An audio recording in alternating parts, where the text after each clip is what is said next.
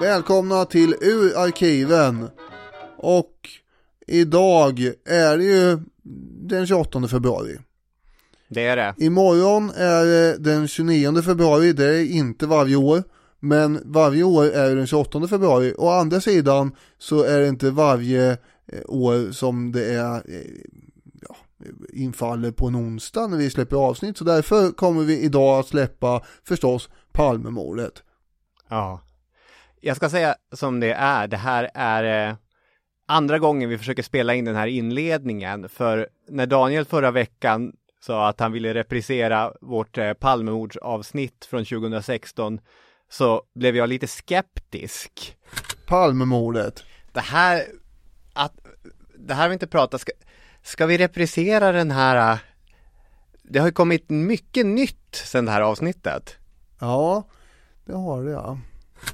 Det, jag har försökt tänka på det eh, sedan dess och nu gör vi eh, ett nytt försök den här veckan.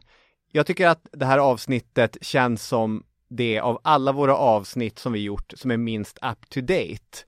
Vilket hänger samman med att det är samtidshistoria. När vi spelade in avsnittet 2016 hade inte Thomas Pettersson skrivit sina artiklar i magasinet Filter, mm. sedermera i boken Den osannolika mördaren, där den så kallade Skandiamannen Stig Engström pekas ut som Olof Palmes mördare. Inte heller hade Christer Petersson, åklagaren, lagt ner mordutredningen eftersom de inte kommer runt en person, Skandiamannen. Inte heller hade han suttit i veckans brott och sagt att han var positiv till att kunna presentera vad som har hänt kring mordet och vem som är ansvarig till det. Nej, nej det är mycket, ja. Men varför jag instinktivt tänkte, ska vi verkligen reprisera det? Är därför att jag känner själv att man är på ett väldigt annat ställe 2024 än jag var 2016. Då var jag ganska förtjust i dels personlighetstestet ensam galning eller konspiration. Vad man trodde på i Palmemordet sa någonting om en som person. Och dessutom var jag själv väldigt inne på tanken att det här var en liten poliskonspiration. Men det var jag också då på den tiden. Ja. Och överlag tänker jag att jag trodde väldigt mycket. Och lös spekulation och lös tro på saker, det uppstår ju där vetskap inte finns. Kanske hade man aldrig fångat mannen som sköt två skott på Sveavägen 28 februari 86, även om utredningen sköts exemplariskt. Det gjorde den inte och det pratar vi ju mycket om i det här gamla avsnittet. Utan att veta att Daniel skulle presentera den här reprisen så började jag läsa utredaren Hans Gunnar Axbergers utmärkta statsministermordet från 2022 när Ola Söderholm, poddaren, hade en väldigt kul prata om hur spanarna under en period ägnade sig åt att spana på utredningsledaren Hans Ölvebro eftersom han både använde polisens nya röda Volvo 850 ja. för att köra sin, till sin familj i Östergötland samtidigt som han också fick övernattningslägenhet i Stockholm betald. Man kan inte ha båda. Nej. det är någon slags tjänstefel. Men det är ändå, säger ju rätt mycket om hela soppan att nu börjar polisen spana på sin egen chef för att han överanvänder resurserna. Istället ja. för det man borde lägga resurserna på. Ja, verkligen. Och det är en väldigt kul berättelse, även om Axbergers bok eh, är mer sorglig än kul. För i den försöker han inte peka ut vem han tror mördade Palme, utan han försöker förklara varför det hela gick som det gick. Och ja, men det jag tänkte säga avslutningsvis då är att i inledningen till det kapitlet som handlar om PKK-spåret så ifrågasätter Axberger varför Hans Holmér, utredningsledaren och hela spaningsledningen gick all in på kurdspåret när de hade så vaga indicier som pekade på det. Mm. Och då börjar han med att citera Holmers egen bok om Palmemordet. Då skriver Holmer Jag tycker vi vänt på varenda sten och letat efter gråsuggor utan att finna några. Kvar finns bara PKK. På vilket Axberger kommenterar Liknande resonemang har förts senare i utredningen, när ingen lösning funnits i sikte och en möjlig gärningsman gjorts till den enda möjliga. Inte för att det funnits bevis, utan för att vederbörande inte gått komma runt. Det var där det som blev Holmers övertygelse började. PKK gick inte komma runt. Inte sagt att Skandiamannen är lika långsökt spår som PKK är såklart. Nej, verkligen inte. Utan snarare att vi kommer förbli evig ovisshet eftersom den här utredningen var ett sånt jävla haveri från början till slut. Mm. Ja, så är det ju. Det har vi ju konstaterat många gånger att det här är ett eh, enastående haveri. Ja. Är det inte i det här avsnittet som du säger att eh, de fjantade bort ett helt år? Ja. Jag själv såg jag nu i veckan faktiskt eh, Den osannolike mördaren för, jag tror det var nionde gången. Och jag har väl läst boken två gånger också. Ja, det är ju bra grejer alltihopa, alltså, tycker jag faktiskt. Ja, han var, Robert Gustafsson var duktig. Jag har bara sett den en gång ska sägas. Mm. Det är mer sunt eventuellt. ja, här kommer ett avsnitt om Palmemordet från 2016. Det är väldigt intressant på många sätt. Jag lyssnade om det och även om jag inte riktigt känner igen mig själv i det så det är intressant. Bra. För Palmemordet förblir intressant. Därför blir det alltid. Och det här är för alla er som också tycker att det förblir intressant. Exakt.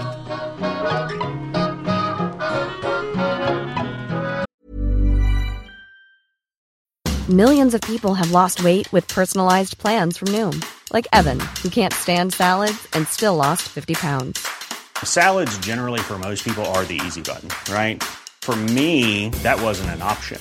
I never really was a salad guy. That's just not who I am. But Noom worked for me.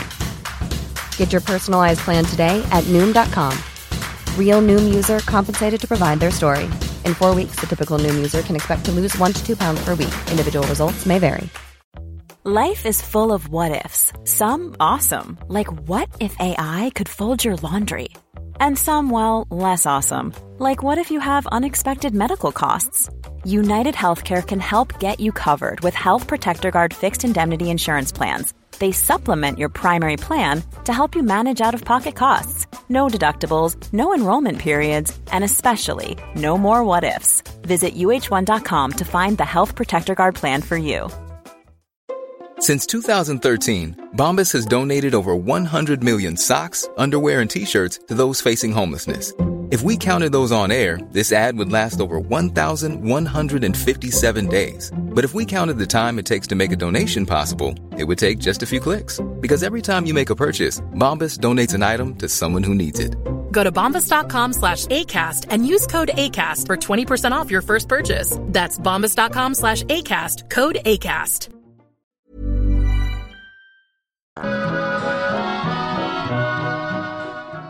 I år är det, om någon har glömt bort det, år 2016. Och eh, för 30 år sedan var det 1986 då. Det vet alla som har räknat matte i skolan. Och då tänkte jag jämföra lite hur saker och ting är nu jämfört med hur det var då. Till att börja med så fanns det på den tiden två tv-kanaler. Ni hörde rätt. Det fanns två tv-kanaler. Det fanns inga mobiltelefoner överhuvudtaget. Inget internet. Man ägnar sig åt eh, trassliga kassettband istället för att ha sådana här flashiga CD-skivor. Eh, ja, CD-skivor för den unge lyssnaren, det är en sån där platta som det kom musik ifrån. Och kassettband är ingen idé att förklara ens. Eh, bara de tre sakerna som jag nämnde nu, mobiltelefoner, tv-kanaler, internet eh, och så, det är väldigt svårt att förklara för elever eh, att det inte fanns när en annan var liten. Eh, det kan vara rätt svårt att ta in. Men det finns större skillnader än så. Sverige var ett ganska ensamt land, inklämt mellan stora försvarsallianser. Det var långt kvar innan EU ens började diskuteras. Statens roll och betydelse i samhället var avsevärt mycket större än idag. En helt annan politisk värld rådde överhuvudtaget. På sätt och vis mycket enklare än nu. Det fanns två supermakter att förhålla sig till i alla frågor som försigkom i världen. De sydeuropeiska länderna, Grekland, Spanien, Portugal hade nyligen gått från att vara fascistiska diktaturer till att bli unga, nyfödda och sköra demokratier. I öst dominerade ännu det benhårda kommunistiska enpartistatsväldet som eh, åt meningsmotståndare till frukost och sponsrade terrororganisationer i väst. Idag har vi istället flera stormakter, mäktiga organisationer, såväl hjälporganisationer som terrornätverk. Och framförallt har multinationella företags makt avsevärt eh, mycket större roll ändå. Och samtidigt har nationalstaternas eh, betydelse sjunkit dramatiskt. Ibland hävdas det att tidsutvecklingen inte är rät, har flera möjliga spår eller dimensioner, kanske även cyklisk, men historia bör tolkas framlänges. De människor som levde förr kan aldrig veta vad som ska hända sedan, lika lite som vi kan veta vad som ska hända sen nu. Därför kunde ingen 1986 veta vilken osannolik händelseutveckling inom politik, teknik och näringsliv som skulle äga rum i världen inom de kommande tio åren. Sedan dess har ytterligare 20 år gått och de gamla förvuxna mobiltelefonerna som en gång var så imponerande har förvandlats till rena science fiction-apparaterna i form av våra smartphones. Internet som i mitten på 90-talet bara var en fluga, eller hur det nu var, utvecklades från tutande sega modem till raketsnabb information i massformat på nolltid. Över en natt föll det stora Sovjetväldet i öst som oroat svenskarna i 40 år. Inget av allt detta hade en enda människa en enda aning om 1986. Den här inledningen handlar inte så mycket om själva ämnet idag. Det är mer ett rättfärdigande av att 1986, trots att både du och jag, Robin, var vid liv då, faktiskt är historia. 90 000. Mm, hej, det var Järfälla Taxi. Hej. Eh, Tunnelgatan vid Sveavägen. Ja. Det är en kille som har blivit skjuten. Och antagligen kommer han behöva en ambulans. Jag har ringt polisen, men jag vet inte om de har ringt er. Nej, Tunnelgatan, Sveavägen. sa du?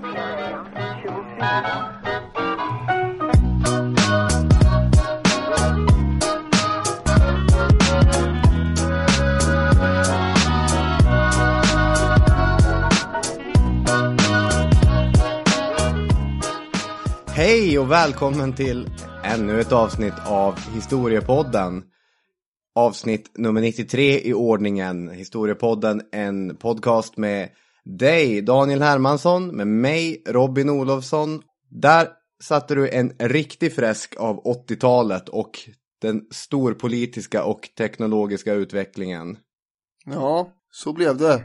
Jag tänkte att man kan komma ihåg det att det, det är ju lite relevant här att det inte finns alla de här kommunikationerna heller. Förutom att det är en helt annan värld än den vi har nu. Mm. Ja, det, den är så, så främmande och ändå så nära på något sätt. Innan vi förvillar in oss på en massa annat här eh, så kanske man ska ta och säga det att eh, om ni har en massa oljud och skrin och skrä, skrän här i bakgrunden så är det för att jag har två kompisar på besök eh, och de får helt enkelt vänta tills jag är klar med det här. Men de kanske hörs emellanåt. Ja, det är, det är någon typ av hålligång hos dig. Mm, ja, så att eh, Hur här? Kommer han överleva? Nej. Nej. Olof Palme. Vad sa? Palme. Olof Palme. Ja, det är sant. Nej, är det sant?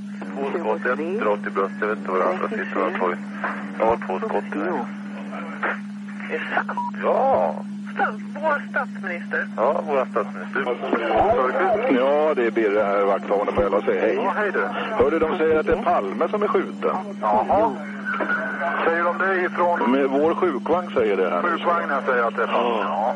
Har du hört något om det? Jo, vi hade fått det också via radiobilarna. Ja. Vi har det bekräftat. Det är tydligen så. Jag söker dem igen här. De har bara ringt upp snabbt och sagt det här va. Ja, de, vi vet ingenting all, allvarligt eller? Ja, han ska vara död säger de här så eventuellt. Säger du? Ja, Det var illa. ja visst fan. Ja, det, det blev, när jag ställde mig upp och sa det så blev det precis dödstyst där inne. Alltså. Ja, har man fått tag på den som har gjort det? Jag vet inte, vi vet ingenting. Så det är statsministern som är skjuten. Så det var så här. Ja, så jävligt är det. Han ville ha besked av vakthavande direkt så den här fick och de har ringt upp här i sjukvagnen och sagt till. Var är, alltså, är det huvudet eller vad? Ett bröstskott tydligen så det.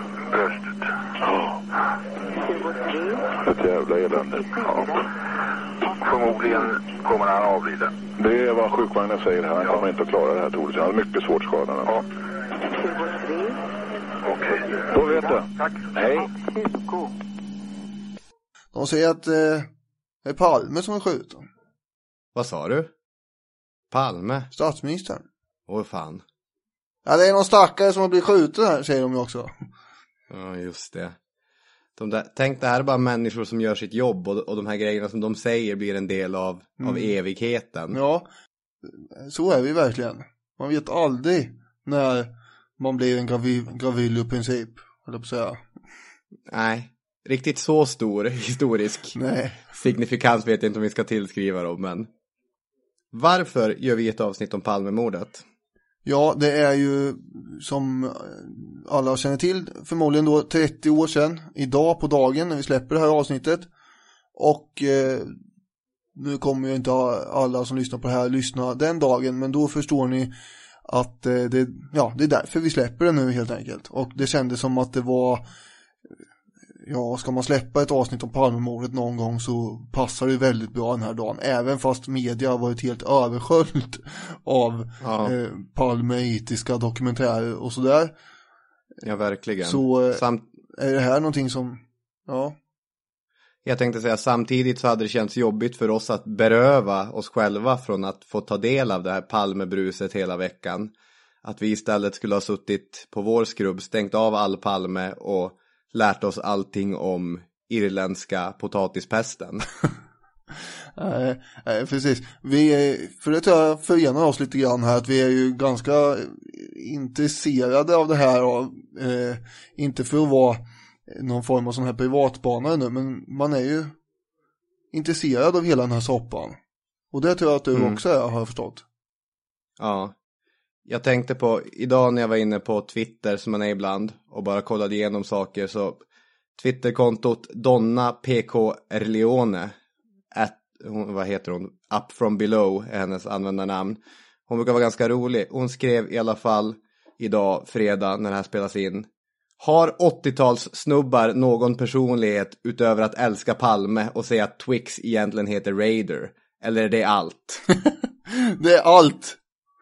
Det är allt. Och jag kände att det där landade ganska nära mig. På rätt många sätt är jag en ganska klyschig 80-talskille. Och fan vad vi älskar Palmemordet. Ja men det har ju allt alltså. Det är Det, vidöppet för allsköns spekulationer och det är galna idéer hit och dit. Och den här veckan kan jag säga att eh, 50% av mina lektioner har handlat om att och titta på Palmemordet med eleverna. För det, det ska vi komma ihåg att de som går i skolan nu gymnasiet, de är födda mellan 97 och 99. Och de har inte alltid ens koll på vem Palme var överhuvudtaget.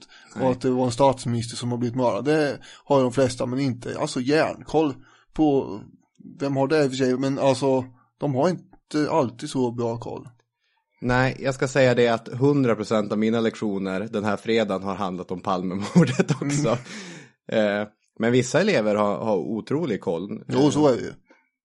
Det, Ja. blir man- jag blev väldigt imponerad av, av speciellt en, en tjej idag som kunde nästan lika mycket som jag kan. Ja, och idag har jag diskuterat väldigt mycket med Eko 14, en klass jag har om, om det här. Och de har jag ju strösslat Palme-dokumentärer över här nu. Så nu kan de all, alla spår och, och det blev som en generalrepetition inför idag, det här också. Den lektionen. Ja. Eh, den svenska komikern Johannes Finnlaugsson har en podd som heter Palmemordspodden. Där olika människor, främst komiker, pratar lite löst och ledigt kring Palmemordet och olika spår. Och framförallt är det killar födda 80 till 81 som, eh, som brukar vara med i den där och pratar. Det är som generationen som växte upp med Palmemordet. Som sitter och, och eh, pratar om Hacke Hackspett som sändes eller inte sändes i Godmorgon Sverige dagen efter. Och hur man har vuxit upp med det och har, har lekt Palmemordet som, som, eller lekt utredare som barn och sådana grejer. Känner du igen dig i det där? Nej, nej, det här känner jag inte igen mig i. Jag skulle nog hävda att jag blev intresserad av det här lite mer framåt när jag var kanske 15 och sådär. Då började man titta på dokumentärer och sådär ju. Ja. När det skedde, då var jag fyra år och hade enligt uppgift vansinnig scharlakansfeber. Så eh, jag kommer inte ihåg ett smack om det där. Men du har alibi i alla fall. Ja, enligt, enligt föräldrar. Nej, för jag är ju född 1985 så jag var ju bara några månader gammal när det här hände. Och på ett steg så är det ju, eller på ett sätt så är det ett steg värre för mig. För det här är ju i stor utsträckning någon sorts inlärt beteende. Det var ju framförallt när YouTube breakade. Och jag hade flyttat hemifrån som 19-20-åring och satt i ett studentrum och kollade på gamla avsnitt av SVT's Striptease. Om, om Krille P. De har många grejer där. Det är alltså, det här är en av världens absolut största utredningar. Det är ju ingen hemlighet direkt.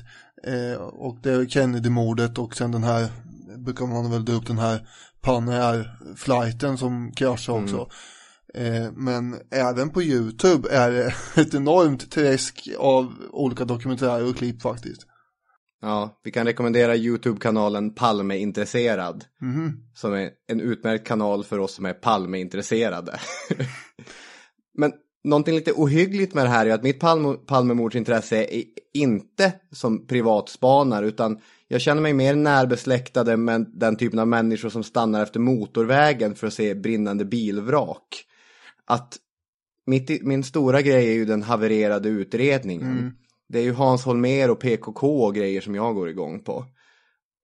Och det, det är någonting, det är något nästan stört igen.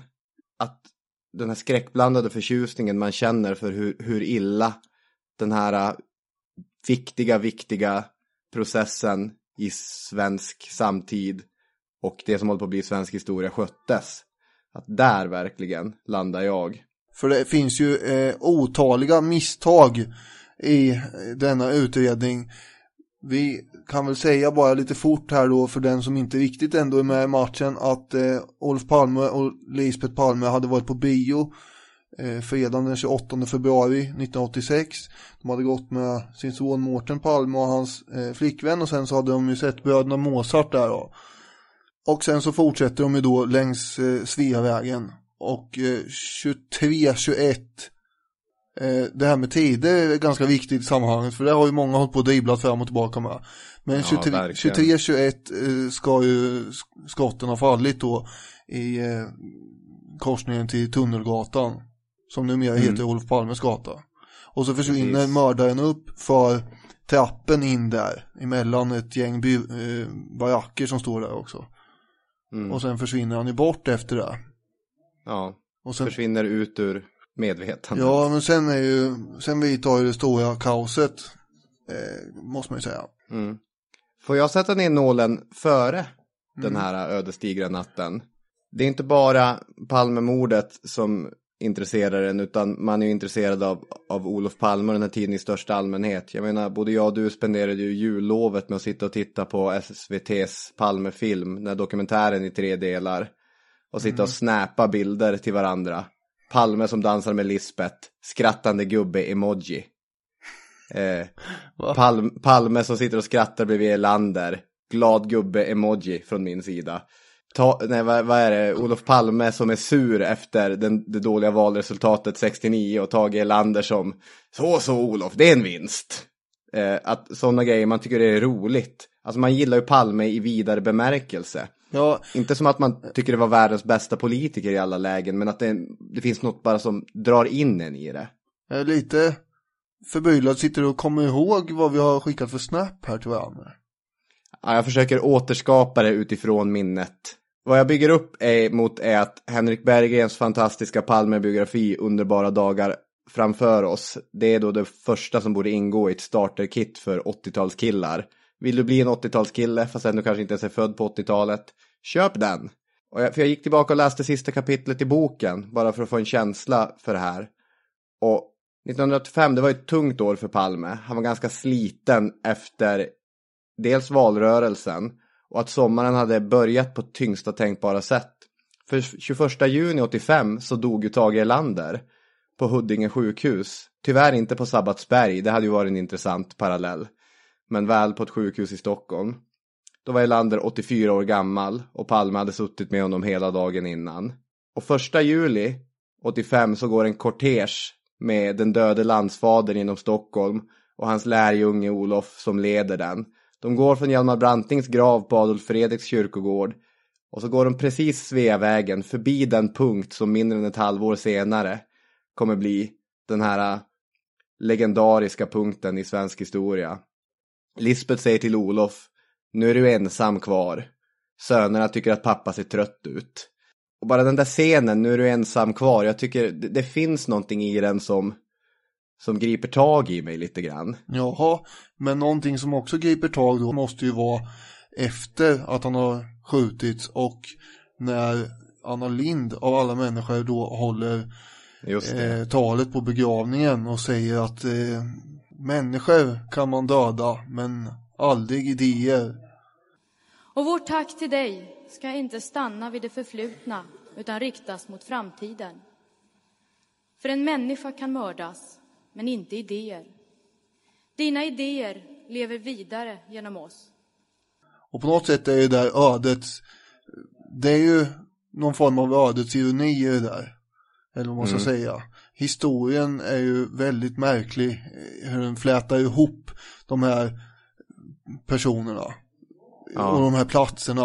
Och, och lägg där till att bara någon månad eller två tidigare så hade det varit premiär på Operan för eh, den här eh, Gustav IIIs maskerad. Det. Så att eh, mycket med det ena och det andra här. Ja. Men, men Palme kom ju in i 1986 med han var glad igen och han hade ny energi trots att han hade tagit sig igenom en massa skandaler som jag egentligen skulle vilja prata om men som vi får återkomma till någon annan gång. Harvard-skandalen, Bofors-affären. Ja, men det är inte det det Och handlar om här. nu, som sagt. Nej. Eh, och samma dag som han blir skjuten så gör han ju en intervju med Ingvar Ygeman, pappa till inrikesminister Anders Ygeman. Är det det? I Stefan Löfvens regering, jajamän, det är det. Det är någon form av inavel i det här partiet, eller? Med tanke på Ja, Boström säger du och- det? säger du det? Eh, I tidningen Statsanställd. Och då säger Palme att 1986 det är möjligheternas år samt att det internationella läget har ljusnat. Misstron viker som dimman en tidig vårmorgon. Och några timmar senare så är han död. Ja, Ridå. ja. Det är väldigt roligt här för att jag sitter i köket och eh, där finns ju då där finns ju då eh, kylen med alla grejer i. Så folk behöver ju springa förbi här tydligen.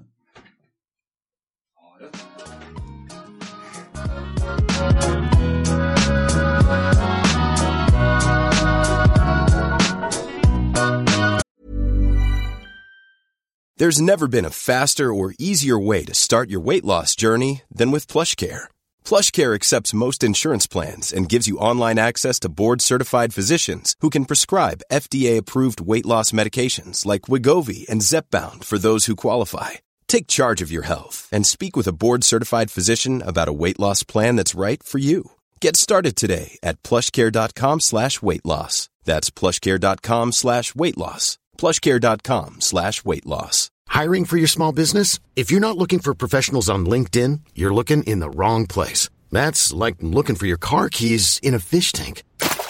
LinkedIn helps you hire professionals you can't find anywhere else, even those who aren't actively searching for a new job but might be open to the perfect role. In a given month, over 70% of LinkedIn users don't even visit other leading job sites. So start looking in the right place. With LinkedIn, you can hire professionals like a professional. Post your free job on linkedin.com slash achieve today. Since 2013, Bombas has donated over 100 million socks, underwear, and t-shirts to those facing homelessness. If we counted those on air, this ad would last over 1,157 days. But if we counted the time it takes to make a donation possible, it would take just a few clicks. Because every time you make a purchase, Bombas donates an item to someone who needs it. Go to bombas.com slash ACAST and use code ACAST for 20% off your first purchase. That's bombas.com slash ACAST, code ACAST.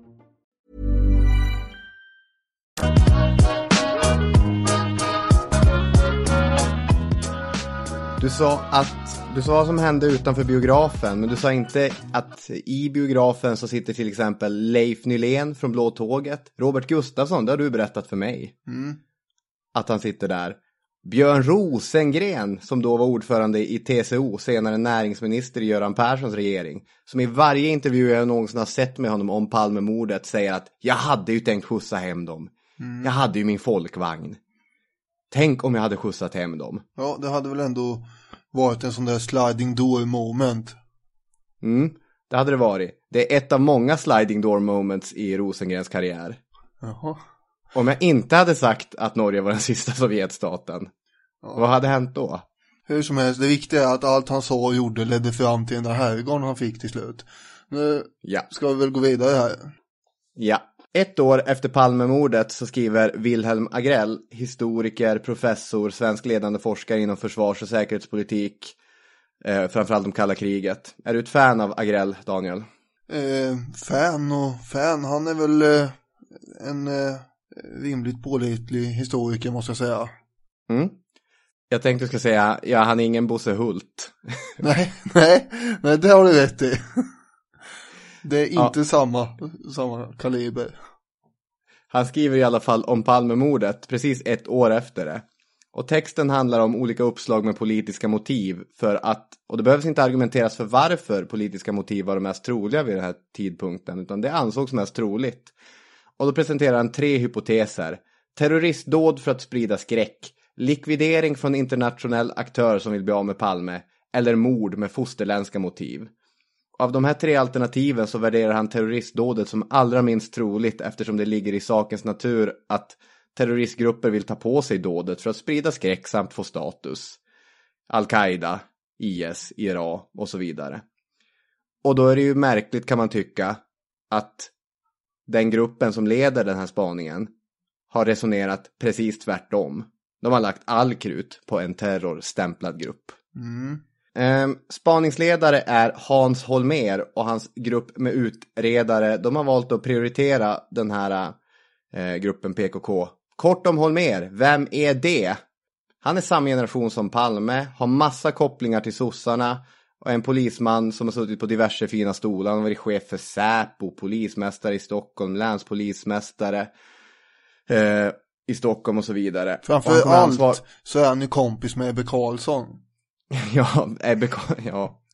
Det är väl också en sån här typisk, ja du kommer ofta in på Ebbe Carlsson, sällan i podden men mycket i vår privata sfär. Idag, idag tog jag faktiskt upp en på en lektion i samband med det här med Palmemordet och hans egna privata spaningar. Det Det är något av ett stickspår. något. Hans Holmér, han var ju en skrivbordspolis. Han var illa förberedd för den positionen som han själv valde att ta. Fel man på fel plats. Och det är oerhört enkelt att skälla och spy galla över Holmér, det kanske vi kommer göra också. Men sen att han tillåts ta det här ansvaret är ju mycket märkligt. Eh, jag vet att men när man började granska det här senare så skrev granskningskommissionen att allt detta skedde alltså formlöst under mordutredningens första dag.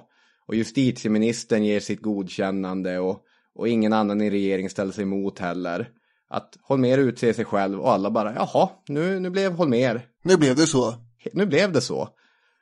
Och han var ju framförallt, eftersom han hade kontakter inom sossarna så, han var ideologiskt pålitlig. Koppling till både partiledning och, och flera andra grejer. Men vilka var PKK då? PKK det är en kurdisk organisation som slogs och fortfarande slåss för ett självständigt Kurdistan. Och varför de var relevanta för Säpo som hade haft span på PKK i många år var ju därför att PKK var inte speciellt förtjusta i avhoppare. Och flera sådana avhoppare hade mördats i Sverige under 80-talet och mot bakgrund av det här så hade svenska regeringen och således Olof Palme valt att terrorstämpla PKK. Från juli 86 så är kurdspåret spaningsledningens huvudsakliga spår. Det är det de sätter allt krut på. Mm. Holmer säger att han är hur många procent då säker på att det är PKK? 95. 95 procent. Det är en exakt matematisk kalkyl av säkerhetshalten i det här. Ja. Jag tänkte att vi kan släppa in Jan Guillou här intervjuad av en 12-åring i SVTs Barnjournalen för att förklara problematiken med PKK-spåret. Det här har inte jag hört men jag är oerhört spänd på. Ja. Det här är alltså 1987 när allting håller på att gå riktigt käpprätt eh, åt helvete för eh, Holmér. Vi börjar med det här då. Jan Guillou, du har ägnat mycket tid åt Palmemordet. Varför är inte Mörren gripen, anser du?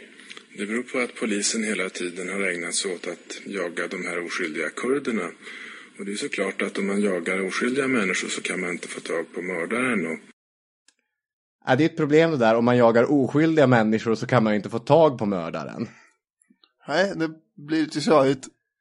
Det, det är ju ett problem med det, det tillvägagångssättet. Men Jan, Janne som jag tycker om att kalla dig. Han har ju sagt att han är 95% säker. 95% det är ju ändå 95%. 95 procent, men det innebär ju att det finns 5 procent för annan öppning av spår. Jo, men då är det ju på det dystra sättet att redan enkel huvudräkning ger vid handen att det bara blir på 150 poliser. 7,5 poliser kvar som ska ägna sig åt ungefär 30 000 tips. Ko- Kommentarer på det Daniel? Så jävla roligt ju. Ger vi handen. Enkel huvudräkning. Han, Det ger vi handen. Och, och sen är se och så många hundratals poliser. Förstår, förstår du inte vad jag säger? Men kan man tänka sig att Holmér trots allt har rätt? Kan inte Hans Holmér också ha rätt med det här? Nej, Hans Holmér har med mer än 95 procents sannolikhet fel. Därför att det här är den mest undersökta gruppen överhuvudtaget i Sverige under ett års tid.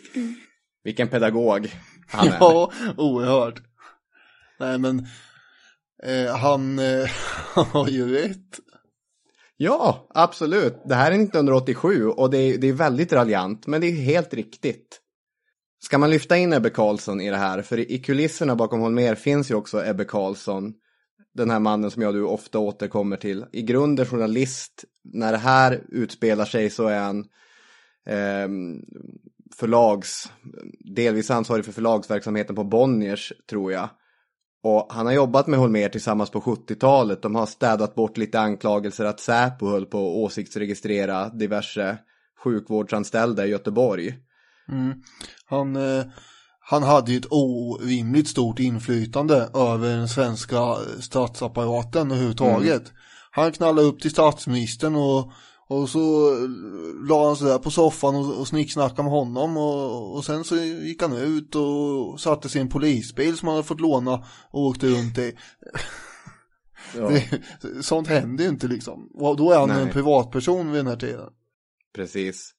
Och det är ju antagligen Ebbe Carlsson som pitchar idén som kommer driva Hans Holmérs tid som spaningsledare. Att det, det är de här PKK, det är de vi ska eh, fokusera på. För efter 87, när Holmér får avgå, då tar ju Ebbe Carlsson på sig att fortsätta lite privatspana. Ja men det, Det- kan han ordna. Är det här spåret verkligen dött? Jag kanske ska skjuta in före också att Hans Holmérs sista stora push är ju att han genomför Operation Alfa. Mm. Då han ska arrestera alla kurder i Stockholm känns det som. 57 namn ansöker han om att få ta in. Åklagarna, ja, 22 nöjer vi oss med. Ja. De plockar in 22, det finns ju ingenting där. De får släppa de flesta omgående. En person håller dem lite längre, men det, det blir ju ingenting. Det är ett supermisslyckande. Och därmed så ersätts ju Holmér av eh, Hans eh, Ölvebro som spaningsledare. Men som sagt, han leder ju den, eh, den officiella utredningen. Och vi har ju andra eh, utredningar vid sidan av. Och man kan väl säga att eh, den första privatspanaren av alla är ju Ebbe. Jajamän, för han har ju bland annat på justitieminister Anna-Greta Leijons uppdrag agerat privatspanare med hjälp av bland annat poliser från Säpo. Och det här brukar man kalla Ebbe Carlsson-affären, att när det här uppdagas och han har, han har smugglat in någon olaglig inspelningsutrustning och allting och justitieministern tvingas ju avgå. Ja, det är en rätt sorglig historia för henne där, att, det, att det blev som det blev. Det var tydligen, eh, de hade ju en jätte, jätte ska jag inte säga, men det var en relativt stor verksamhet alltså. eh, Mm. Som han bedrev i någon eh, hyrd lokal någonstans i Stockholm och satt och spana. Hon åkte ju dit för hon hade gett någon sorts skriftlig rekommendation som man skulle använda för att lättare komma åt dokument från England. Men det var ju många andra i högt uppsatt position som hade gett sitt tysta medgivande till den här spaningsverksamheten som Ebbe Karlsson höll på med också. Det, det är ju ganska tragiskt det hela. Hans Holmér, eh, apropå soffor och sånt, eh, han sov ju på Ebbe Karlssons soffa vid Mm. tiden för när han blev eh, spaningsledare själv där. För han hade blivit utkickad av frugan. Ja, just det. Ja, det gick ju ganska bra för honom till slut ändå. Han blev ju framgångsrik kriminalförfattare efter sin tid som spaningsledare. Mm. Men det är väldigt, de fjantar ju bort ett år och efter det så är det ganska svårt att få igång. Ja men, fjant, ja man ska kanske inte vara raljant men det är ju, det är ett år som, som är helt bortkastat på de Mm. flesta sätt i alla fall. Och på ett sätt tycker jag det är lite osmakligt när Ingvar Carlsson och andra i regeringen sitter som i den här dokumentären som Fyran har sänt i dagarna.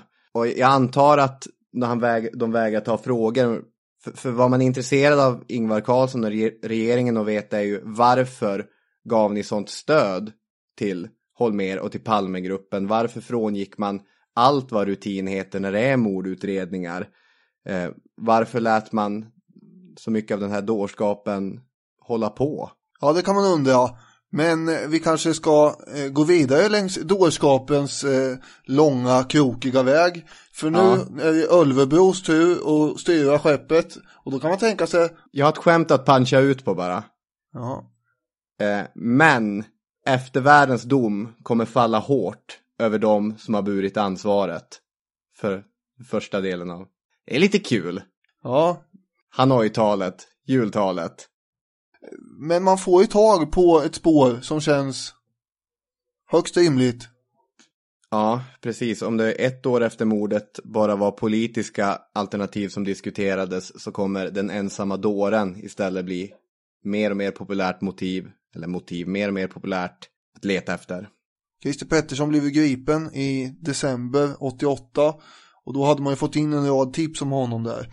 Eh, och så hade man åkt ut där han bodde och spanat på, på karn. Och man tyckte sig se att han, han hade, han var av intresse helt enkelt. Det fanns en del vittnen som hade hävdat att, att mördaren hade en viss eh, vaggande gång och sådär även om de där vittnesmålen förändrades efterhand. I början var ju alla, alla så rörande överens om att mördaren hade nästan skuttat därifrån och varit väldigt spänsig, spänstig och just det, gått hoppsasteg nästan. ja men det var ju åt det hållet snarare Mm. och sen kryper det där in vart efter att det var lite haltande och lite rullande och så går ju verkligen Pettersson Ja. och eh, man tar in honom och det blir en konfrontation, det vill säga en sån här, man spelar in en video. Den här har väl alla sett, misstänker jag. Jag har sett den i alla fall. Ja, jag tror att det är en av de mest visade konfrontationsvideorna i världen nästan. Mm. Och eh, den får ju då Lisbeth Palme se. Och eh, hon har också fått förhandsinformation för säkerhets skull eh, att eh, den som de har som misstänkt är alkoholist. Och det är inte så svårt för henne att lista ut vem det är som alkoholist då. Eh, Eftersom Nej. de andra är väldigt väl uppklädda. Han sticker ju ut på ett sätt som är ganska markant. Ja. Vilket kommer att förstöra hela den där konfrontationen. Säger du ja. Ja men det är ju, nej men det är ju delvis därför han blir frikänd i Jag- hovrätten. Absolut, men eh, för, för, de som fort, för de som vill mena att det är Christer Pettersson, då är det ju... Ja då är det verkligen förstört eh, för dem. Nu tror inte jag att det är Pettersson för fem eh, röda öre. Men ändå, den sköttes Mm. ju också dåligt. Verkligen, men det är det utpekandet som många fortfarande Ja, det håller är. fast vid. Mm. Problemet med eh, Petterssons eh, dom som kommer i tingsrätten är ju att eh, det är bara nämndemännen som har velat döma honom. Och det räcker ju för att bli fälld i tingsrätten. Men det finns ju ingen Mm. teknisk bevisning och eh, det finns eh, motivet. Vad är motivet egentligen? Det är väldigt oklart. Det finns ju en del eh, efterhandstankar och konstruktioner kring det där som inte fanns då. Men det är ju till exempel att den här bombmannen Lars Tingström hade lejt Pettersson som torped eftersom eh, Tingström hatade staten generellt sett. Mm. Ett annat motiv som jag kommer ihåg att jag trodde på eh, väldigt hårt när jag började titta på och dokumentärer och sätta mig in i det här i mitten på 90-talet var ju den här varianten att han egentligen hade tänkt skjuta Sigge Cedergren, den här det. kompisen han hade. Eh, och han ska då ha varit, han var ju rätt lik Palme på det sättet att de har likartade kläder och, och Sigge bodde ju också eh, i närheten av Grand där och så. Och eh, var det inte så att han även ägde den här revolvern som eh, Pettersson då ska gått in och snott av Sigge för att sedan använda den till att skjuta honom. Vilket var Mm. en, en sån här eh, Magnum. Magnum kaliber 3 57. 57. Men, men eller, kän- eller en ombyggd Ja, kaliber just det. 38? Det finns varianter, den kan vara ombyggd. Men eh, inget av de här dokument eller motiven känns ju som att de håller egentligen överhuvudtaget. Om jag ska vara helt ärlig. Eh, Det här med Tingström till exempel. Det är ju vår vän Pelle Svensson, advokaten, som lanserar att han har ett testamente från bombmannen där det står saker och ting. Ja. Och det blir ju stort hallå i alla tidningar förstås om det här, eh, där, när det uppdagas i slutet på 90-talet. I mars förra året lämnade Pelle Svensson in bombmannens testament till riksåklagaren. Där ska den nu döde Tingström erkänna att han och Christer Pettersson planerade mordet på Olof Palme tillsammans. Pettersson sköt. Jag anser att bevisläget nu är nästan till 100-procentigt. Senare stod det klart att det inte fanns något regelrätt testamente. Det fanns tio pappersark, enbart fyllda med handskrivna rubriker. Och de visade sig ha skrivits av Pelle Svensson själv. Det var i programmet Striptease igår som det visade sig att Pelle Svensson inte kunde redogöra för hur fribrevet kom till. Mot slutet av programmet visade det sig att det kanske inte ens var Lars Tingström som skrev brevet. Jag borde minnas om jag själv satt och knackade ner det där, det borde jag minnas. Men det är skrivet på min maskin i alla fall. Och du tog hans diktamen kanske alltså? Ja, minns jag inte idag. Därför jag har inte hittat några anteckningar om det heller, vem som skrev. Men jag utgår från att det var han. Men det, det finns ju ett utrymme för att det kan ha varit jag också. Och han dikterade hela och skrev under. Mm. Det vädrades i Dagens Nyheter i veckan också. Ti- Tingstens-caset. Ja, fast det var ju Pelle Svensson som erkände vartefter att det kan vara så att det är jag som har skrivit det här testamentet. Det kan vara Det så. kan vara så. Men det var det som ledde till att det blev en resningsansökan eh, som lämnades in till eh, Högsta domstolen Mm. eh, 1997 som inte gick igenom mot Pettersson. Nej. Pettersson är ju ett otroligt trasigt och sorgligt livsöde i sig, måste man ju säga. Verkligen. Han var ju, han hade ju mördat tidigare, man var inte dömd mördare utan han var- dömd för dråpnad i början på 70-talet. Eh, sticker en bajonett genom hjärtat på en man som faktiskt har, har hamnat i, i slagsmål med honom och sen sparkat lite grann på julklapparna som är tänkt till Christer Petterssons lilla syster. Mm. Och då har Christer Pettersson lackat ur och i ett vredesutbrott huggit ner honom. Gick han runt med en bajonett? Ja, han hade köpt en bajonett av en kompis på Hötorget. Eh, mest på skoj. Anledningen till att man misstänkte Pettersson och det som eh, ligger till grund lite grann är ju, det är ju framförallt Lisbeth Palmes utpekande, hon är tvärsäker på att det är han. Mm. Eh, sen är det fler vittnen som har pekat ut honom vid, vid bion Grand runt 23-tiden på kvällen, att han befann sig där. Och Pettersson har ju erkänt i olika omgångar Ja. och sådär. Och sen har han dragit tillbaka det givetvis med. Och sen var det här med hur han rörde sig. Men det finns ju ingen teknisk bevisning eh, överhuvudtaget. Och han, alltså jag tror inte han, men det är vad jag tror då igen. Och då är man ju farligt ute här. Privatspanare Hermansson. Ja, jag har svårt att se att han skulle ha sinnesnärvaro att eh, hålla huvudet kallt hela vägen från Grand eh, och bort till det här hörnet och sen gå och skjuta på det sättet och sen komma undan med det här alltså. Nej, man har svårt att tänka sig. Två stycken välriktade skott med, med en Magnum som har världens rek rekyl. Det, jag ser det inte Det är lite mig. för eh, effektivt det här eh, utfört.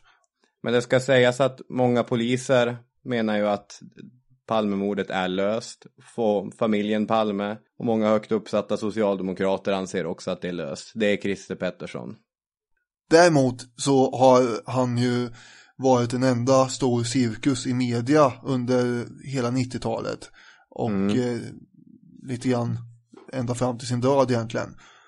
För det har vi ju vuxit upp med de här P, nej inte P3 utan TV3 dokumentärerna med, med Aschberg och Gert Fylking och Christer Pettersson. Och det lät så här bland annat. Du sa till mig så här en gång, eller två gånger. Tänk om det var jag som mördade Olof Palme, men att jag har glömt det. Har jag verkligen uttryckt mig på det viset? Har jag? Nej, nej.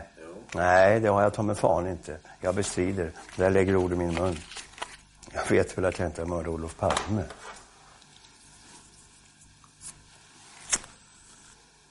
Nej, det där vet jag inte. Det där anser jag... Nej, det där kan jag inte... Så har jag aldrig uttryckt mig.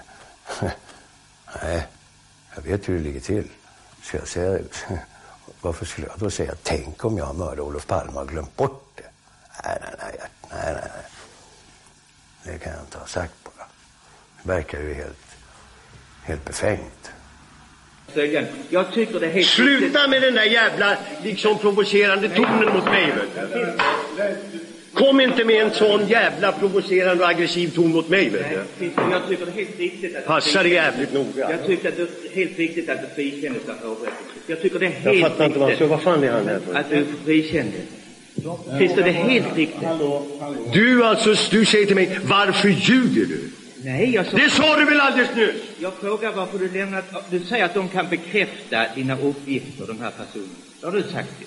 Jag har sagt att jag utgår från det. Ja, men det gjorde ni inte. Nej, och vad i Då helvete ska jag Då göra? frågar jag dig bara lugnt och sansat. Varför jag ljög? Så sa du varför alldeles nyss. inte de här Så sa du alldeles Varför nyss. kan inte de här personerna bekräfta? Nu ska vi ut på rövarstråt. Ja, vi ska ut och röva. Beröva vad vi kommer åt och vad vi kan behöva. Vi rövar runt på stad och land. Men annars så tar vi så lite vi kan vad det kan. Annars, det som många olika privatspanare men även vissa poliser och så har hållit på med är ju massa olika spår som pekar på antingen att det är någon typ av konspiration eller att det har skett av motiv inifrån landet eller utifrån landet. Det är allt från CIA, det är kroatiska terrororganisationen Ustacha, eh, det vad är det, det är Sydafrika, Mm. Säpo, militären, allt och ingenting. Vart tänker du att vi kan börja med det här Daniel? Anledningen till alla de här eh, motivbilderna och så får vi komma ihåg, det går ju kopplat till en del grejer som jag sa i inledningen, att Sverige är Mm. ett land som står utanför allianserna och ska vara neutralt och sådär och det här öppnar upp, inte med EU heller som sagt, eller EG som det heter då. Det öppnar ju för en eh, mer, vad ska man säga, påtaglig utrikespolitik från landet. Mm. Och det är det Palme har bedrivit väldigt mycket. Och eh, vetat upp eh, en del och eh, blivit väldigt positivt bemött av en del. Ja. Så det är därför det finns potentiella möjligheter både här och var. Men nu tänkte jag då, apropå det här med sammansvärjningar det var mycket prat om det här med polisspåret under lång tid. Mm, verkligen. Och det är ju ett samlingsbegrepp som inte är riktigt rätt. Det ska ju, borde ju vara polisspåren då, för det är ju flera olika och sen har man buntat ihop det här. Alltså det är ju, det har gemensamt är att det ska vara någon form av sammansvärvning av antingen många eller kanske några enstaka poliser. Mm. Särskilt är det just enstaka poliser som har pekats ut ju, eh, som en del privatspanare anser då har haft för sig väldigt suspekta aktiviteter. Men framförallt är det ju de här, eh, och det här egentligen går inte att koppla till just polisspåret. Det är ju möjligt att använda sig av de här walkie-talkie-observationerna i vilket tänkbart spår som helst egentligen. Men folk har ju alltså sett människor springa omkring med stora sådana här antenner både här och var runt området. Just det. Mellan 11 och 30 observationer ska ju ha gjorts av människor med walkie-talkies överallt. Ja. Konstigt- Men det går väl in på nästan vilken konspiration som helst att det springer omkring människor med walkie-talkies. Ja, det går ju för mig överallt, men av någon anledning så blev det att det hade med polisspåret att göra i början. Och ingen har ju lyckats reda ut vilka det här var egentligen och varför. Det finns, eh, vad, vad man pratade om ett tag var att det skulle vara ett knarkspanare och sådär, men det har, men det verkar ju inte som att det håller heller. Man har ju inte lyckats identifiera, mig veteligen eh, några av de här walkie-talkie-snubbarna. Mystiska rörelser av polisbilar eh, som har parkerat privatbilar i, i, längs eh, den här flyktvägen som gärningsmannen antas ha tagit. Uppseendeväckande schabbel på ledningscentralen som tar emot och fördelar uppgifter Ja, just det. och sådär. Eh, och en del av de här aktuella poliserna ska ha haft ett eh, och hade ett eh, väldigt brinnande Palmehat. Men sannolikt så håller nog inte de här anklagelserna hela vägen ändå. Även fast polisen själva har varit väldigt dåliga på att kolla upp de här verkar det som. Det är inte så snyggt. Det hade ju varit eh, lite elegant om de hade gjort det mer och följt upp både walkie-talkie-observationerna, vilket de sa nu i veckan för övrigt att det är de intresserade av igen. Det är så dags nu. Mm, det kan man ju tycka. Eh, men det här städades ju bort väldigt effektivt och man, man misstrodde ju alla som hade sett det nästan i stort sett. Ja, och det är så trevligt i ett rättssamhälle och ett öppet demokratiskt samhälle att även sådana ledtrådar undersöks. Det, det skulle ha känts bra. Framförallt eh, den som började och gräva det här var ju journalisten Sven Anér som eh, var en livlig anhängare av att polisen hade haft både eh, ja, många fingrar med det här spelet. Mm. Eh, och eh, Anér pekar även ut självaste Hans Holmer som är inblandad i mordet. Att Holmer hade varit i Borlänge, det trodde han inte alls på. Nej, Holmer hade ju kört runt i taxi i Stockholm till massa olika adresser. Och eh, haft skumheter för sig. Eh, och dessutom så hade han åkt förbi mordplatsen, hade Anér grävt fram någonstans. I, Måste vi förklara det här med, med Holmer i Borlänge? Att Holmer var på väg för att åka Vasaloppet när det här skedde. och var alltså på hotell i, i Borlänge. Vill du förklara det så varsågod. Ja, nej men det, det behöver inte säga mer än så, men, men det är ju någonting som man vet direkt kop- varje gång de säger Vasaloppet så, så tänds en liten Hans Holmér klocka i mitt huvud. Det är ju inte sunt Robin. Just det, då var Holmér på väg för sitt 18 Vasalopp. Nej, det är inte klokt. Hur som helst så trodde inte Sven ner på det här för fem öre heller. Så, eh, så Holmér var ju tvungen att, att, att langa fram ett kvitto från det där eh, hotellet han hade varit på. Men då menar han ner på att det var ju fabricerat eller hur det nu var. Det var inte från rätt datum och så. Dessutom tror han inte heller att Ebbe Carlsson och eh, den här diplomaten Carl Lidbom var i Paris som de hade hävdat. Så han, han verkar ana en konspiration mellan Holmér, Karlsson och, och, och eh, Lidbom då. Jag vet inte Mm. riktigt. Men det är någonstans här som det blir alldeles för fantastiskt ju. När det gäller Ja. den där biten. Däremot så har ju misstankar riktats även mot delar av Säpo. Och, och där måste jag säga att det är väldigt suspekt eh, många papper som har försvunnit. Särskilt sådana här papper då som gäller eh, tips om poliser. Alf Eneström eh, var ju en sån här ledare som var socialdemokrat eller åtminstone så var med i något som kallas för socialdemokratiska oppositionen. En eh, farbror som inte alls tyckte att eh, Palme var någon bra snubbe. Eh, Mm. Men han hade då fått eh, till sig folk som hade föreslagit och, berättat för honom om planer på att skjuta Palme. Och enligt eh, egen utsago så har han gått vidare med de här uppgifterna till Säpo. Där de då Mm. försvann. Sten Andersson som var utrikesminister hade också fått information från eh, personer inne på Säpo eh, om eh, att det fanns andra Säpo-agenter där som eh, både Andersson och hans källa anser att de betraktade Palme som ja, fiende till landet helt enkelt. Och det ska ha varit ett möte 16 januari med, i Norrköping mellan poliser där man diskuterade Palme och den här hotfulla situationen med att han skulle åka till Moskva om någon månad. Det tyckte man ju inte om, för man betraktar ju Palme som en Sovjetspion emellanåt i en del sådana här kretsar eftersom han Ja, inte hade varit tillräckligt precis. hård när det gällde ubåtarna. Eh, och då var det en person med som var inbjuden på det här mötet. Och han blev lite uppjagad av eh, de diskussioner som fördes där. Så han eh, gick bland annat till ett kommunalråd i Norrköping och berättade det här. Men det här kommunalrådet trodde inte, han tyckte att det här lät, lät helt otroligt. Så, eh, då gick han till slut till Säpo i Norrköping för att informera det här. De skickade vidare till Säpo i Stockholm och där dök det här stora svarta hålet upp som slukar alla sådana tips. Och det här är ju lite anledning att höja på ögonbrynen över ändå anser jag. Eller?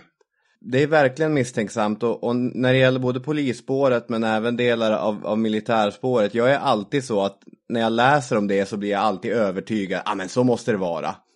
Tills man läser någonting som motsäger det och då, fast vad vet jag egentligen. Mm. Den här Moskvaresan lyfts ju alltid fram. Jag han, eh, Gunnar Walls bok Konspiration Palme. Gunnar Wall har ju skrivit flera böcker om, om, om Palmemordet. Den finns ute på bokrean nu. Jag köpte den i förrgår. Och han läser hundra sidor innan den här inspelningen och då blir man ju, ja det är mycket indicier här i när det gäller Säpo och när det gäller militären men, men det, är, det hänger inte riktigt ihop. Nej, då kan vi ju byta spår då. Mm.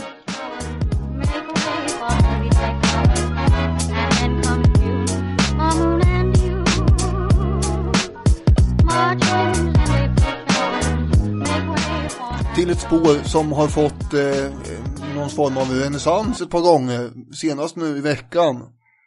Är det Ted Gärdestad? Nej, däremot så tycker jag att det är ett synnerligen sorgligt eh, Fruktansvärt. spår. Eftersom det mådde ju inte han alls bra av det där. Nej, den här intervjun med honom, den är hemsk att se. Så jag vet inte. Och det är också ett resultat av eh, diverse galna privatspanare. Ja. Nej, jag tänkte snarare på att vi tar upp lite mer seriösare spår här. Som eh, Mm. Sydafrikaspåret. Det hade bara gått några dagar efter mordet så fick ju Hans Holmér ett brev från en författande Sydafrikakännare som tipsade om att sydafrikanska regimens, eh, ja att de hade ett intresse av, av att eh, undanröja Palme. Och Mm. en vecka efter mordet så fick också då Aftonbladets London-korrespondent som heter Carl Gunnar Bäck uppgifter från en brittisk källa med kontakter i underrättelsetjänsten eh, där eh, info som pekar mot Sydafrika. Det här är ju det mest trovärdiga spåret när det gäller andra stater och underrättelsetjänster och liknande. Dessutom skulle sydafrikanska säkerhetspolisen enligt samma källa haft kontakt med någon person inne på Säpo också. Och därför tänker jag att de här två eh, spåren går ju delvis att eh, föra ihop. Mm. Och vi ska ju komma ihåg att eh, Alltså sydafrikanska säkerhetspolisen var ju inga duvungar, de dödade ju folk. Ja, ja det är klart. Höll jag på att säga, men eh, ja det gjorde de.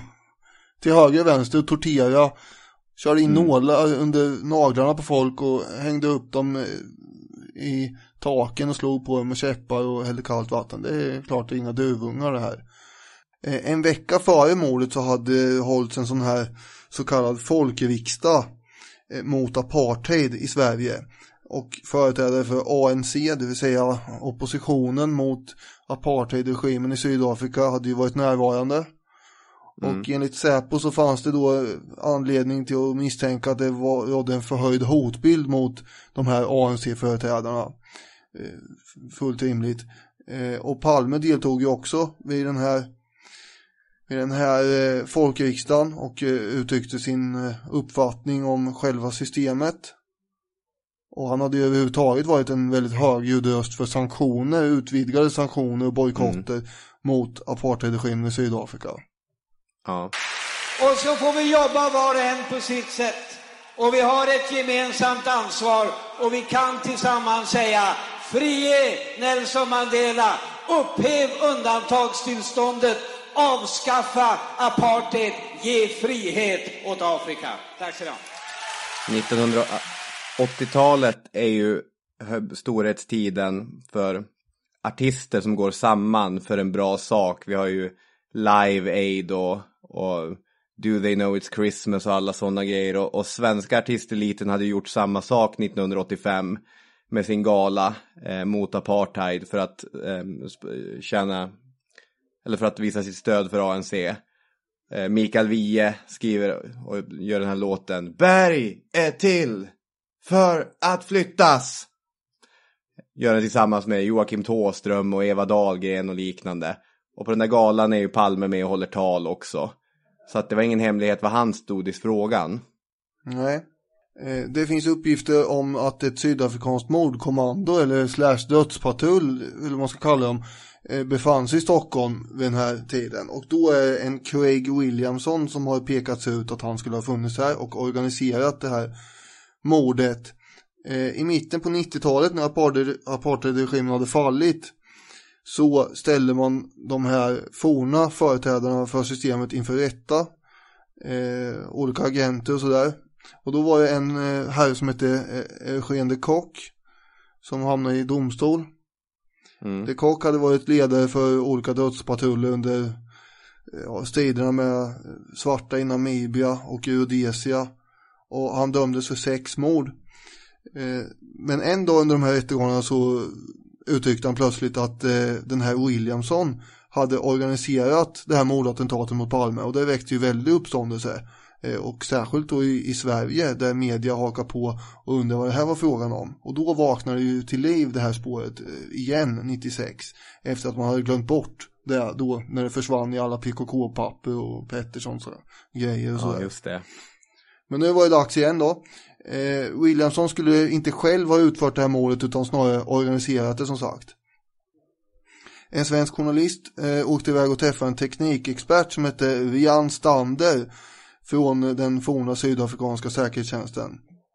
Och där fick han veta att mördaren som skulle ha hållit i pistolen hette Anthony White. Tydligen skulle då svenska Säpo också enligt den här teknikexperten ha deltagit genom att kartlägga hur Palme skulle röra sig eh, under den här perioden. Och skulle då ha bidragit eh, med något strå till stacken där. Williamson själv håller ju då i mitten på 90-talet på med den fullständigt hedliga och totalt från blod befriade eh, verksamheten diamanthandel. Ja, just det ja. Och han nekar kategoriskt till eh, alla påståenden som har med hans inblandning att göra. Men den här de Kock hade ju mer att säga. Eh, enligt honom så skulle en svensk officer, eller typ legosoldat, eh, som hette Bertil Vedin, också vara delaktig i det här. Då. Och han kommer också pekas ut som eventuell mördare. Och eh, 1982 skulle han ha erkänt under någon form av rättegång att han hade blivit värvad under 70-talet av den sydafrikanska underrättelsetjänsten. Eh, Så han figurerar ju en del i det här också. De Kock hade inte direkt någon kännedom om det här själv utan det var mest andrahands och tredjehandskällor. Verkar det som. Eh, Ja. På den här tiden. Men sen har det ju hänt grejer sen dess. Men, först kan man höra hur det lät i Aktuellt, eller vad det var, i mitt, 1996. Craig Williamson, som av de Kock utpekas som inblandad i Palmemordet, förnekade detta idag i Angola, där han befinner sig. I was not involved. I do not know who was involved, and I know nothing about it. Svensk polis tyckte inte heller att det var någon brådska med att granska de nya uppgifterna fast journalisterna var snabbt på plats och vittjade vad som fanns att vittja. Inte heller tyckte polisen att det var bråttom med att åka till Sydafrika. Jo visst, men det är ingen brådska. Vi behöver inte åka idag och inte imorgon, inte vecka, nästa vecka heller. De personer det gäller, de finns kvar där. De springer inte sin väg. Vi kan träffa dem när, det, när vi är beredda att träffa dem. Först namngavs Anthony White och därefter svensken Bertil Vedin som mördare. Bertil Vedin har nu pekats ut som Olof Palmes mördare, bland annat av Peter Castleton. Men han har bestämt förnekat varje inblandning i mordet. När Palme eh, sköts i Stockholm så låg jag och sov här i mitt hus vid min frus sida. Och jag fick uppgiften om mordet på morgonen 1 mars 1986 över BBC-radion när jag som vanligt slog på radion på morgonen. Nu är det ju ett antal centralt placerade sydafrikanska säkerhetsmän som har pekat ut dig som den som höll i vapnet. Varför tror de gör det? Jag vet inte. Tror det är galenskap. Jag är ingen psykiater. Jag kan inte uttala mig om det. Sen visade det sig att den här författaren Stig Larsson, han var ju en privat... Två av Sveriges kändaste författare heter Stig Larsson. Du måste berätta vilken Stig Larsson det är. Ja, det är han med Millennium. Jag trodde du kände till det här. Millenniumförfattaren förstås. Okej, yes. Vem fan är den andra? Stig Larsson med, eh, han kommer från, från Västerbotten och Jaha. han är så här komp... Nej, men, han- nej, men han, han kommer från Västerbotten, han har bott hela sitt vuxna liv i Stockholm. Han är ju kompis med Torsten Flink. Mm. Och, Han är eh, kompis med Torsten är- Flink, men det har inte blivit Hollywoodfilmer av det. Nej, nej, nej, men han, han är otroligt omhuldad och, och en väldigt uppburen författare. Men han, lev, han lever ju och pratar som Christer Pettersson. Ja. Han har ju suttit i, i Malou efter 10 och pratat om att när, när unga flickor fyller 13 så ändrar deras pH-värdet i deras slidsekret. Och, och smakar annorlunda. Han är en otroligt obehaglig människa men han Stig och Stieg Larsson är bägge jättekända svenska författare.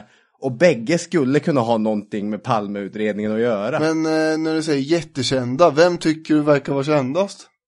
Ja men I världen. mäter vi på antal sålda böcker så är det ju Stig Larsson, Millenniumförfattaren. Ja, ja, okej. Men nu är Millennium-killen vi menar här. Ja. 86-87 så hade den här, den här Larsson då eh, varit eh, privatspanare helt enkelt. Och via en källa på brittiska underrättelsetjänsten MI6 så hade han fått fram eh, information om eh, en svensk man som bodde på Cypern som kunde ha agerat som mellanhand i det här attentatet mot Palme eh, enligt den här MI6-agenten. Och eh, det var ju då Bertil Vedin. Så han Okej. förekom ju redan eh, 86-87 i alla fall den här Stig Larssons egna eh, utredningar. Sen då så överlämnades eh, hela den där bunten till eh, Palmeutredningen verkar det som. Vedin eh, förnekar ju också kategoriskt att eh, han har någonting med det här att göra.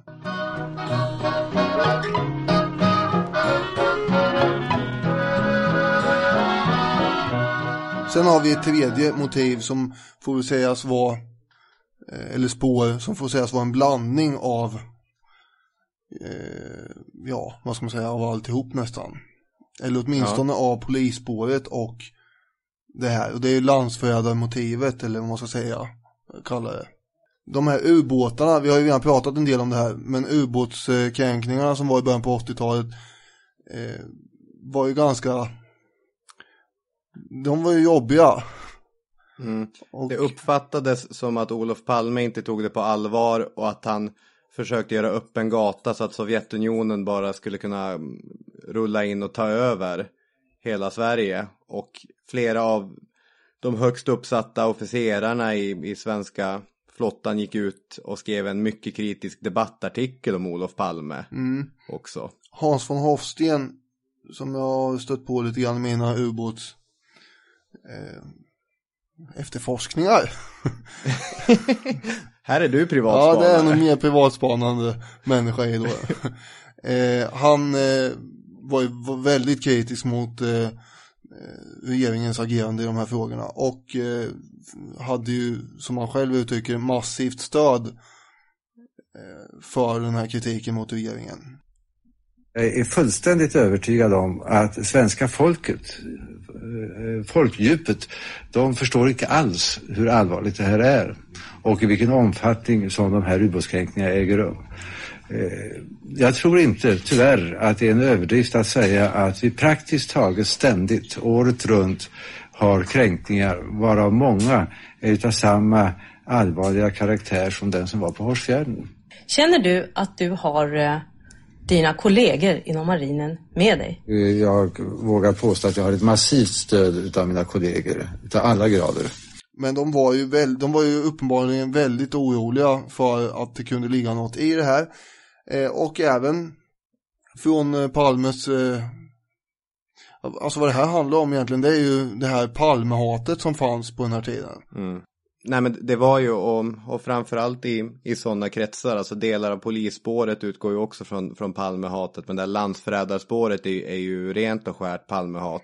Ja. Och det ska ses mot bakgrund också av det som du var inne på tidigare, att han är på väg till Moskva för att träffa Gorbatjov och göra ett statsbesök där. Mm. Ska han sälja ut Sverige? Det var det man inte ville ta reda på. Nej, precis. Om det här nu stämmer. Och eh, det kan ju som sagt tolkas som någon slags vidareutveckling av polisspåret. Fast med en annan vinkling då. Det finns ju inte, det är inte bara poliser det här handlar om direkt. Utan det, det är ju andra inblandade med. Och för, och för att det ska vara en konspiration, ska vi komma ihåg, behöver det inte vara så att det handlar om tusentals människor eller ens tio människor. Det räcker ju med fyra, fem. För Ja. att det ska vara en form av konspiration. Precis, det är ju lättare att göra en sån liten konspiration än att göra något Illuminati eller New World Order som Ja. hundratusentals ska vara med på. Och det här eh, spåret går också att kombinera med Sydafrikaspåret som jag var inne på innan så fanns det ju underrättelseagenter på eh, MI6 i England som hade hävdat att det fanns Säpo-agenter som, som hade det här hatet och det hade ju Sten Andersson, utrikesministern, också fått information om. Och många andra eh, som också hade fått info om det och sen tipsar man just Säpo, för det var ju Säpo som skulle utreda, utreda Säpo och, och då kan det bli lite galet ibland om de här människorna Ja. sitter där och någon av dem har tillgång till en del papper. Det är ja, inte- det, det är det ett inte- potentiellt problem Det är inte så att man kan säga att det är hela Säpo som ligger, skulle ligga bakom det, det går inte spåret ut på. Nej. Ja, det fanns ju ännu fler grejer som hade eldat på det här. Regeringen hade ju lagt eh, en proposition, ett förslag om att ifall Sverige skulle bli ockuperat av eh, fiendemakt så skulle hemvärnet och polisen övergå till fienden. Och det här kan ju, behöver man inte vara ett geni för att räkna ut att eh, de tycker är förskräckligt och inklusive mig. Ja. Jag kan inte förstå hur man kan komma på tanken att lägga ett sånt lagförslag. Och det drogs ju tillbaka sen också. Eh, Men det är klart att det, det rörde ju till en hel del också. Och kanske blev någon form av katalysator om man tror på det här spåret. Mm. Men det kan ju också varit så att de bara hade bistått då som sagt eh, de här sydafrikanerna. Men nu tycker jag att jag börjar låta som en privatspanare. Ja, verkligen. Och det är, du håller mer och mer på att väva ihop alla konspirationer till, till en enda konspiration Ja men de, också. går- de går ju in i varandra alltså. En annan eh, intressant grej är att den här eh, eh, människorna på Säpo då som de, de skulle haft då kontakt med de här sydafrikanerna eh, och eh, där, alltså Bertil Vedin som jag nämnde innan han utpekas ju då som den som har lagt ut eh, vad ska man säga, villospår om PKK som fick eh, både Ebbe Carlsson och Holmér att ramla ner i, i det hålet. För han bodde ju på den turkcypriotiska delen och jobbar ju för eh, turkiska regeringen som inte tyckte om kurderna, så det passar ju extra bra. Nej. Ja, Där har vi då. du, ja. du hör själv. Ja. Det finns många Om trådar vi att dra. fortsätter prata en halvtimme till så kommer vi inbilla oss att det här är löst. ja, ja, eller hur? Ja, fast nu är det inte det här. Utan istället så kan man väl se framåt eh, om en sån där 20-25 år. Mm. Och föreställa oss det här museet som du brukar prata om. Ja. Eh, Palmemordsmuseet, som jag fortfarande tycker på riktigt är en bra idé. Jag lanserar ju det här i vårt museiavsnitt. Att jag tycker det här är någonting som man borde satsa på. Eh, dels i utbildningssynpunkt. och även, det är ju någonting som alla vi 80-talister är väldigt intresserade av då. Nu eh, måste jag väl ändå flika in att det är förmodligen fler som är där. Det är inte vi som har suttit och varit privatspanare direkt. Nej, men för jag är egentligen inte intresserad av, av privatspaneriet heller. Jag, jag är inte så lo, lockad av, vi har inte ens nämnt. CIA-spåret.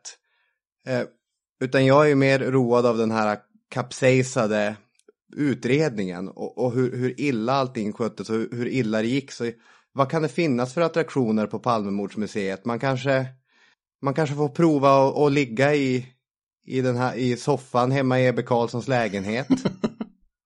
Ja. Pröva hur det känns och så får man sitta och pitcha idéer till en, eh, till en Ebbe Carlsson-docka. Ja. Som säger någonting till en. Absolut, och sen eh, i entrén när man kommer in där, ovanför allting så ska ju eh, det stora och största fatalaste misstaget de gjorde överhuvudtaget hänga som en enorm tavla över disken Just där. Och det. det är ju då den här eh, fantombilden. Fantombilden. Som de aldrig någonsin borde ha kommit på idén att skapa och släppa ut. Jag visade ju den för mina elever idag. Så var det tyst ett tag och så säger en Han har en väldigt markerad näsa. Ja. Ja, det hade han. Det har han. Vad ska mer finnas här då? Om man går runt där och har man sådana här lurar i öronen och får höra alla de här polis eh, och ambulansledningscentralerna prata med varandra fram och tillbaka. Det är, Ja. det är en stackare som har blivit skjuten här. Det, det måste vi ha. Vi måste ha mockfjärdsrevolvern som hänger där på väggen. Ja. Pelle Svenssons alias Bombmannens Ja, det är inte samma person då, men det var ju Pelle Svenssons eh, testamente som han skrev åt bombmannen som bara av en händelse råkade leda mot Pettersson. Det måste ligga i en Mm. monter. Ja. Och så tänker jag att man kan ha en så här interaktiv show också där man ska gå, kanske trycka på olika knappar eller gå in i olika dörrar. För det säger ju någonting om en person om man tror på konspirationen eller på den ensamma dåren. Mm. Att du går in i den högra dörren, du väljer ensamma galningen. Och då kan du där öppna olika luckor, 33-åringen får du kolla. Ja, det är den första en annan- förut då, den nämnde vi inte alls. Viktor Gunnarsson. Mm. Du får öppna en annan lucka, Christer Pettersson, öppna en tredje lucka, flera av de här ensamma galningarna. Eller vi då som har vandrat in i konspirationsträsket, vi, vi får sitta med en stor tavla och dra sådana här röda streck mellan olika personer och olika oegentligheter. Och, Och en världskarta sist... där med olika eh, röda streck som sagt som binder ihop de olika delarna och grejerna fram och tillbaka. Ja. Och till sist så landar man i någon sorts insikt att vad tragiskt och vad jobbigt allt det här är. Ja, det här kommer ju inte lösas. Nej, man blev ju lite, vad var det GV sa när eh, tipsen om den här puffen eh, dök upp i, i julas. Mm. Ja, det krävs ju en del för att eh, nackhåren ska resas på mig eller något sånt där sa han. Men det gjorde ja. de nog nu. Och det, där tänkte man att det här, det här skulle ju vara spännande. Det var nog första gången på väldigt länge som jag tänkte att nu händer det grejer. Ja. Men nej. I gårdagens Aftonblad så skrev ju Oison Cantwell att eh, man frågade när kommer vi lägga ner den här utredningen? Är det inte dags att ge upp? Och bara säga att det blev inget med det här, det var tråkigt, oläkt sår och så vidare. Om man vill göra det så skulle man ju inte ha tagit bort preskriptionstiden. Jag tycker ändå att det var rimligt att man tog bort den. Men du tycker att man ska lägga ner alltihop nu? Nej, jag har ingen stark åsikt i, i ämnet men det är en liten deppig känsla det här att det, det, kommer inte, jag tror aldrig det kommer bli någonting annat än ett ämne som sådana som jag och du kan sitta och nörda ner oss i. Mm. Och, och sitta och koppla olika sydafrikanska agenter eller hålla koll på hur många Vasalopp som Hans Holmér åkte. Nej. Och det borde inte vara så. Nej, nu, nu, ble, nu blev det så. Nu blev det så.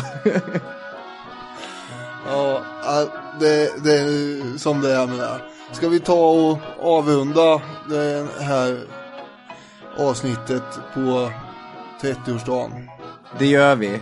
Vi säger tack för att ni har varit med oss på den här uh, Walk down memory lane. Det är väl första gången som många av våra lyssnare själva har starka minnen från mm. de grejerna som vi har återberättat. Det är det modernaste ämnet vi har haft i ett avsnitt.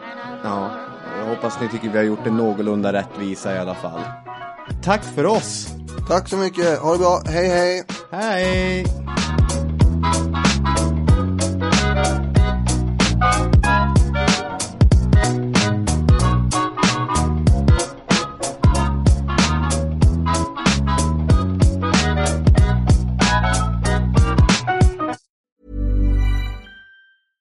Imagine the softest sheets you've ever felt. Now imagine them getting even softer over time. That's what you'll feel with Bowl and Branch's organic cotton sheets. In a recent customer survey, 96% replied that Bowl and Branch sheets get softer with every wash. Start getting your best night's sleep in these sheets that get softer and softer for years to come. Try their sheets with a 30-night guarantee. Plus, get 15% off your first order at bowlandbranch.com. Code BUTTERY. Exclusions apply. See site for details.